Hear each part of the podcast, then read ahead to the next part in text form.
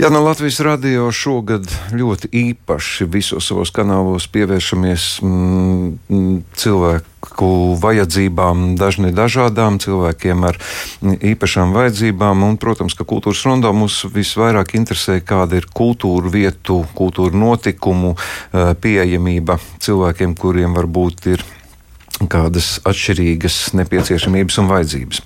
Par to mēs visi šodien runāsim šeit studijā. Pie mums ciemos ir arhitekti, dizaineri un Latvijas Mākslas akadēmijas pasniedzējiem pētniece Liena Jakobsona. Labdien, Liena! Labdien! Un esmu sazvanījis arī Lību Bērziņu. Labdien, Lība! Labdien. Lība ir Mākslas akadēmijas maģistrante, studēja funkcionālo dizainu un daudz dažādas lietas eh, saistībā, jo Lība, jūs pati piedarat tai grupai, kurai ir nācies saskarties ar dažādām problēmām, tā skaitā arī kultūras pieejamībā. Pareizi saprotu, ja? Nu jā, par cik man neredz, tad man jāsaka, ka es pārvietojos pati ratiņkrāslā. Skaidrs, jā, bet sāksim, Liene, es sākšu ar jautājumu jums, cik jūs esat man šeit no acīm tā nelielā attālumā.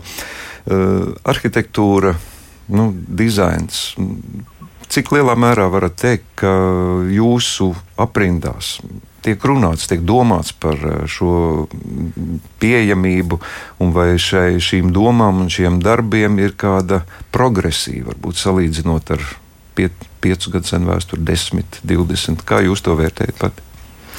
Jā, nu es domāju, ka progress ir eh, nepārtraukts. Um, kas ir labi. Mēs eh, kļūstam aizvien eh, zinošāki par šīm lietām, mēs vien vairāk par tām domājam. Eh, tajā pat laikā skaidrs, ka ceļ, ceļš vēl ir tāls. Mēs ne tuvu vēl neesam kaut kādā ideālā situācijā, un visticamāk tas ir iemesls, kāpēc mēs šobrīd studijā par to runājam. Kāpēc tik daudz, daudz kur citur arī šis jautājums tiek aktualizēts, eh, par to tiek runāts. Eh, un eh, labi, ka tā, jo tikai tādā veidā, un arī tieši tā, kā šajā raidījumā piesaistot cilvēkus, kas paši ir tātad ar šādām kaut kādām specifiskām vajadzībām, mēs varam nonākt pie labākiem risinājumiem. Mm, tātad tiek par to domāts, un lietas notiek pozitīvā virzienā. Tas ir jūsu viedoklis. Lība, lasu arī jūsu vienu no pieredzes stāstiem par Londonu. Sakiet, kā jums ir sajūta? Kāda ir situācija? Notiek lietas uz labo pusi? Nu, jā, man ir diezgan plaša pieredze arī ceļošanā, parasti, kad es ceļoju, tad es arī cenšos apmeklēt kādas kultūras pasākumus. Laikmatīgās mākslas apskatīšana ir tāds arī pavisam obligāts notikums priekš manas ceļojuma laikā.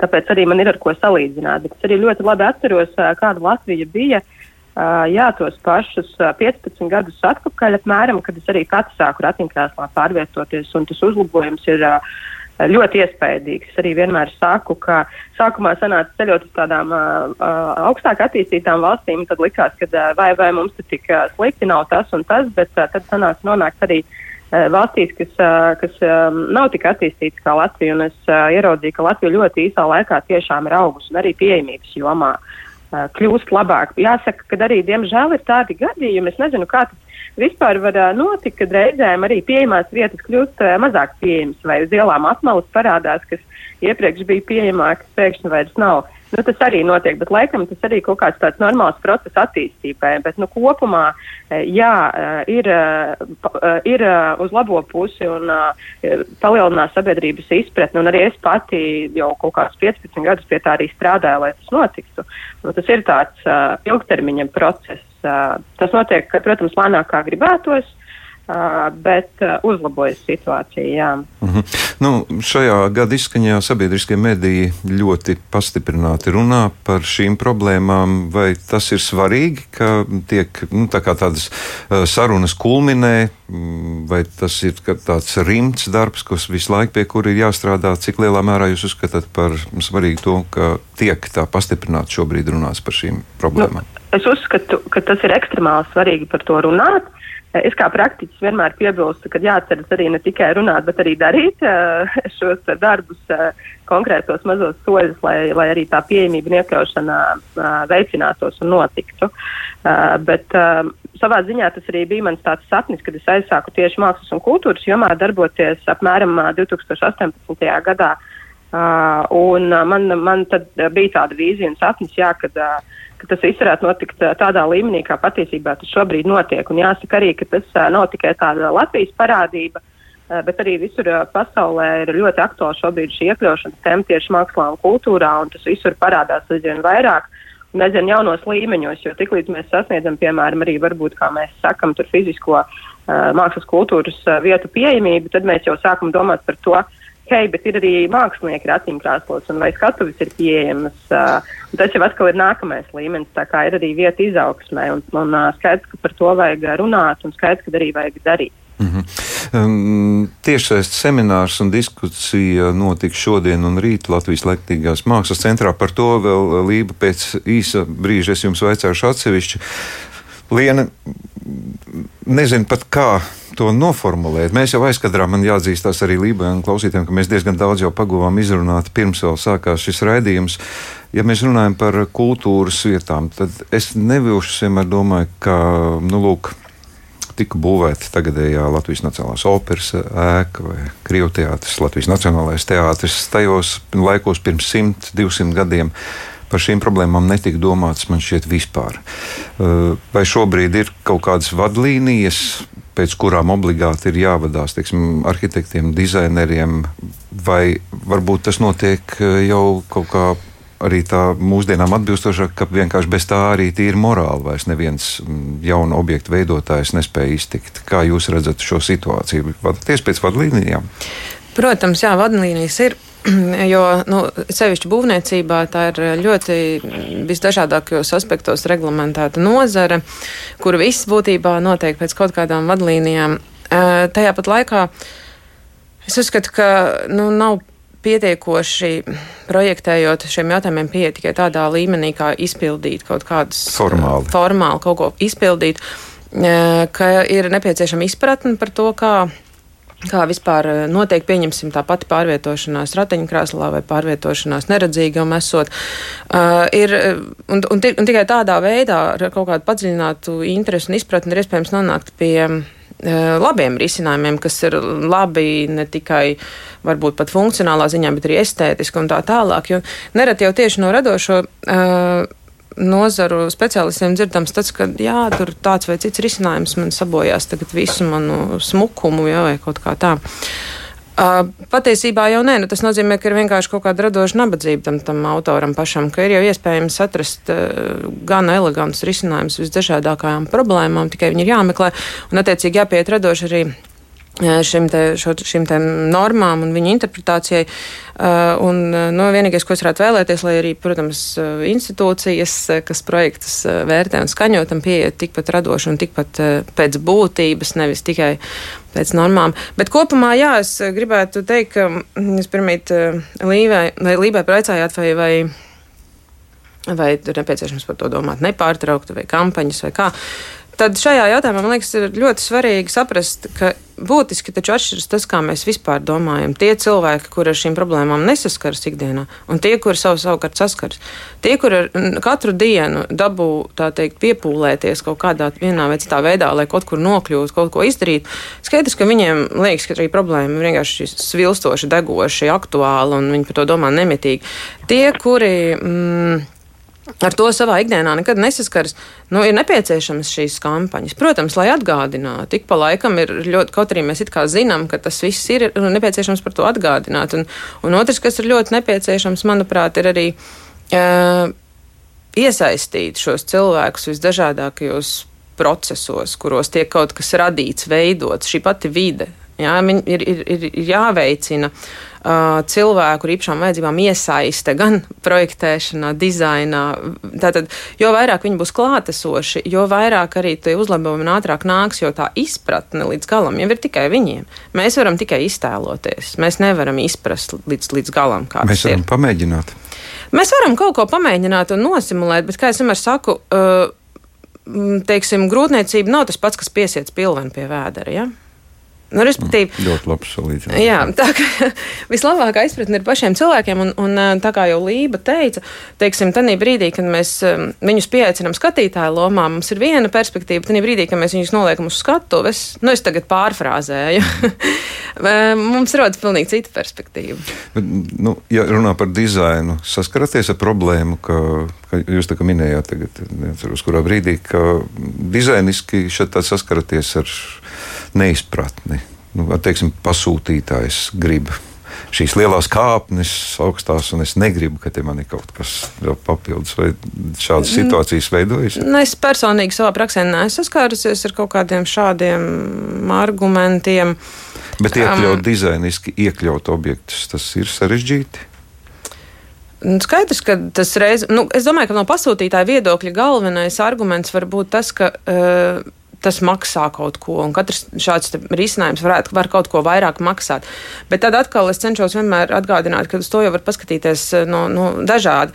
Uh, var uzlikt kaut kādu dārgu iekārtu, kas uh, pat trīs pakāpienus ļauj pārvarēt tur ar kaut kādu liftiņu, bet tikpat labi var uh, nu, integrēt jau no sākta gala domāt par to, ka nu, šajā universāla dizaina virzienā, ka tātad tas, kas ir derīgs uh, cilvēkam ratiņkrēslā, ir derīgs arī pārējiem. Respektīvi, tā ir tā galvenā ieeja. Nu, nav tādas galvenās, ir vienkārši visiem derīgs dizains. Nu, tas jā, ir tāds mm. termins, universāls dizains. Jā. Mm.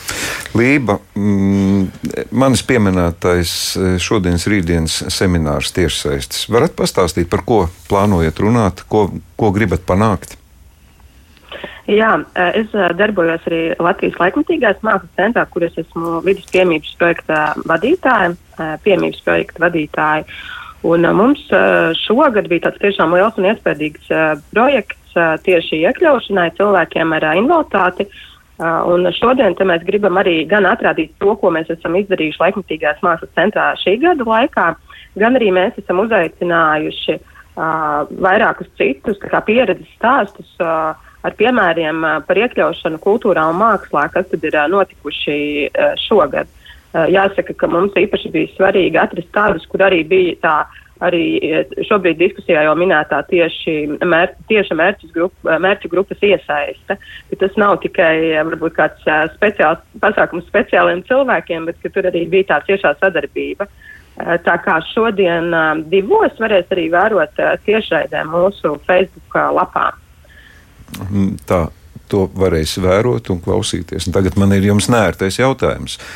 Vai mm, šī, šis seminārs un šī diskusija paredzēta arī mm, teiksim, neredzīgiem, vairedzīgiem un vaidzirdīgiem?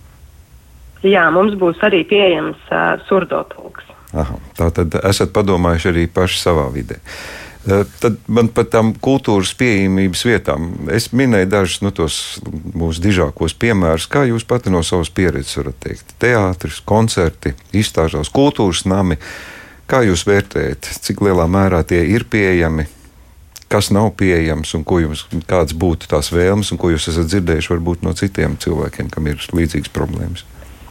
Es teiktu, ka tāpat kā uz kultūru, attiecas arī visa pārējā tā kopējā vidas piemības situācija. Tas ir ļoti dažādi. Tas kontrasts, es teiktu, ir milzīgs. Es gribu pieskarties arī nedaudz tai vadlīniju tēmai, jo jā, viņas ir ļoti daudz. Gan Latvijā, gan pasaulē ir Latvijā arī ir likumdošana, kas paredz šo vidas pieejamību, ja mēs runājam par fizisko vidas pieejamību, bet tā nevienmēr tiek ievērota, lai gan jaunām ēkām tā ir obligāta. Uh, un līdz ar to um, es gribētu rēķināties ar to, ka, uh, ja, ja, ja tiek uzcelta jauna ēka, tad es jau zinu, ka viņa būs pilnībā pieejama. Bet, diemžēl, tā nav. Joprojām arī uh, tiek uzceltas kaut kādas jaunas vietas, kur nav nu, teikt, perfekti pieejamas. Nu, tāda perfekti pieejama ļoti grūti būtu Latvijā tiešām atrast un iedomāties. Ja vienmēr ir tomēr kāds sīkumiņš, uh, kur, uh, kur nevar tikt. Uh, bet, uh, jāsaka, ka, ka pēdējos gados uh, celtās ēkas uh, ir, protams, daudz draudzīgākas arī kā agrāk. Bet jums ir kādi piemēri, kas, kas ir varbūt sliktais un labais piemērs? Um, nu, piemēri noteikti ir ļoti daudz. Um, jāsaka, tagad arī pēdējā laikā sanāk mazāk apmeklēt kultūra vietas ar visu valstī notiekošo, bet uh, viena no manām mīļākajām ir uh, Splendid Palace, uh, kur uh, es dodos apmeklēt, apskatīt uh, filmas, uh, tā kā kinoteātris. Un, un, uh, tur gan arī ir uh, tā uzbraukt ar tādu nelīdzenu segumu, bet uh, tālāk viss ir diezgan pieejams. Latvijas Nacionālā biblioteka, protams, bet arī tur ir tāds, tāda viena nianse, par ko es vienmēr pieminu, kad uzbraucot augšā tornī. Tomēr ir tā, ka pārējie var doties vēl augstāk, un tas ir it kā sīkums, bet nu, vienmēr ir kaut kāda tāda detaļa vai nianse, kas kā rada, rada to, ka tomēr cilvēki ar kustību traucējumiem kaut, kaut kā nevar pilnvērtīgi visu izmantot.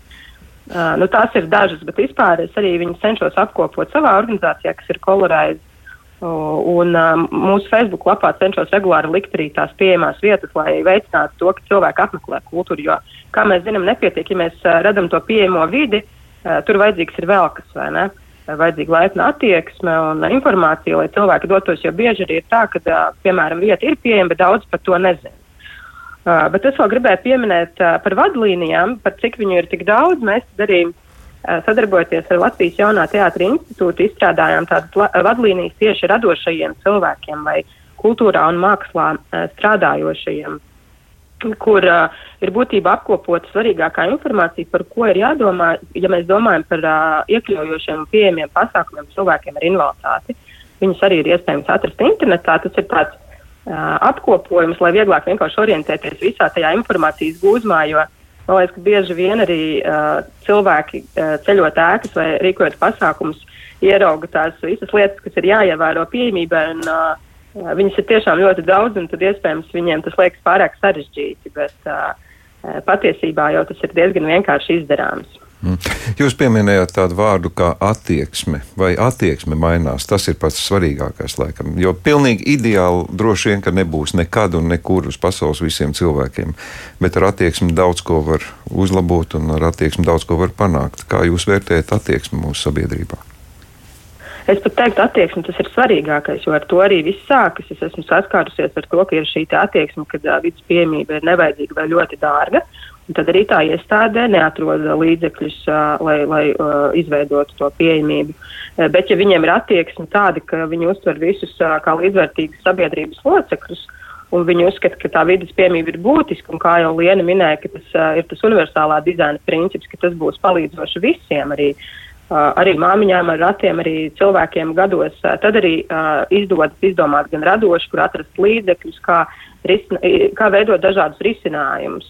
Jo, protams, ir tas likums, kas kaut kādas lietas nosaka, tur centimetrus, platumus un, un uh, uh, tos būvnormatīvus, bet tur arī, ko Liena minēja, nu, jā, ir jāpieiet radoši, lai arī tas, protams, izskatītos estētiski. Tas ir tāds stereotips, ka tas neizskatās labi, ja tas ir pieejams vai atbilst tiem standartiem. Uh, un jā, es domāju, ka arī tomēr tā attieksme ir arī viena no grūtākajām lietām vispār, ko mainīt, uh, jo viņi ir diezgan dziļi iesēdusies arī, arī jau no cilvēku ģimenēm vai no laikiem, uh, kas mums ir vēsturiski jau bijuši iepriekš, ko mēs īsti ļoti labi zinām. Uh, tāpēc arī tas viss ir diezgan komplicēti. Jā. Mm. Lien, nu, attieksmi jūs nevarat iemācīt. Nu, es nezinu, nu, tās pašas vadlīnijas, nu, tas ir iemācāms, ievērojams, bet sabiedrības attieksme, bet tā arī mainās. Nu, bet es domāju, ka tā attieksme jau mainās uh, lielā mērā arī pateicoties tam, ka šie cilvēki kļūst ar vien redzamāki sabiedrībā. Uh, Nereti mēdz tā, tāds absurds sanāk, tāds paradoks. Cilvēks saka, nu kam tam mums te tagad pielāgot kaut kādiem ratiņkrāsliem, tāpat mums neviens te nenāk tāds. Bet nenāk, jo tāpēc, ka nevar teikt. Nu, lūk, un jo vairāk mēs padaram vietas pieejamas visdažādākajiem, visplašākajiem sabiedrības lokam, jo vairāk mēs arī redzam šos cilvēkus. Un jo arī mums attiek, mēs viņus iepazīstam, mūsu attieksme mainās. Un tas pats, piemēram, man šķiet pēdējā laikā Mēdz runāt arī nu, aktualizējas jautājums ne tikai par, par fizisku, bet arī cilvēki, kas ir ar īpašām vajadzībām tieši psiholoģiskās kaut kādu problēmu dēļ.